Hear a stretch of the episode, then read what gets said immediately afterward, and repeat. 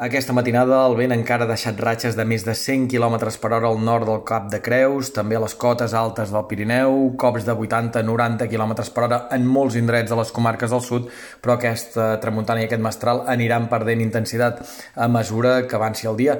També afluixarà la nevada, acumulacions encara aquesta matinada d'entre 15 i 20 centímetres en punts del Pallars, la nevada anirà perdent intensitat, s'anirà restringint el vessant nord del Pirineu amb el el pas de les hores i demà ja no nevarà en lloc. A la resta del país, un dissabte amb més sol que núvols i ambient fred. Aquest migdia les màximes només superaran els 15 graus a l'extrem sud de Catalunya.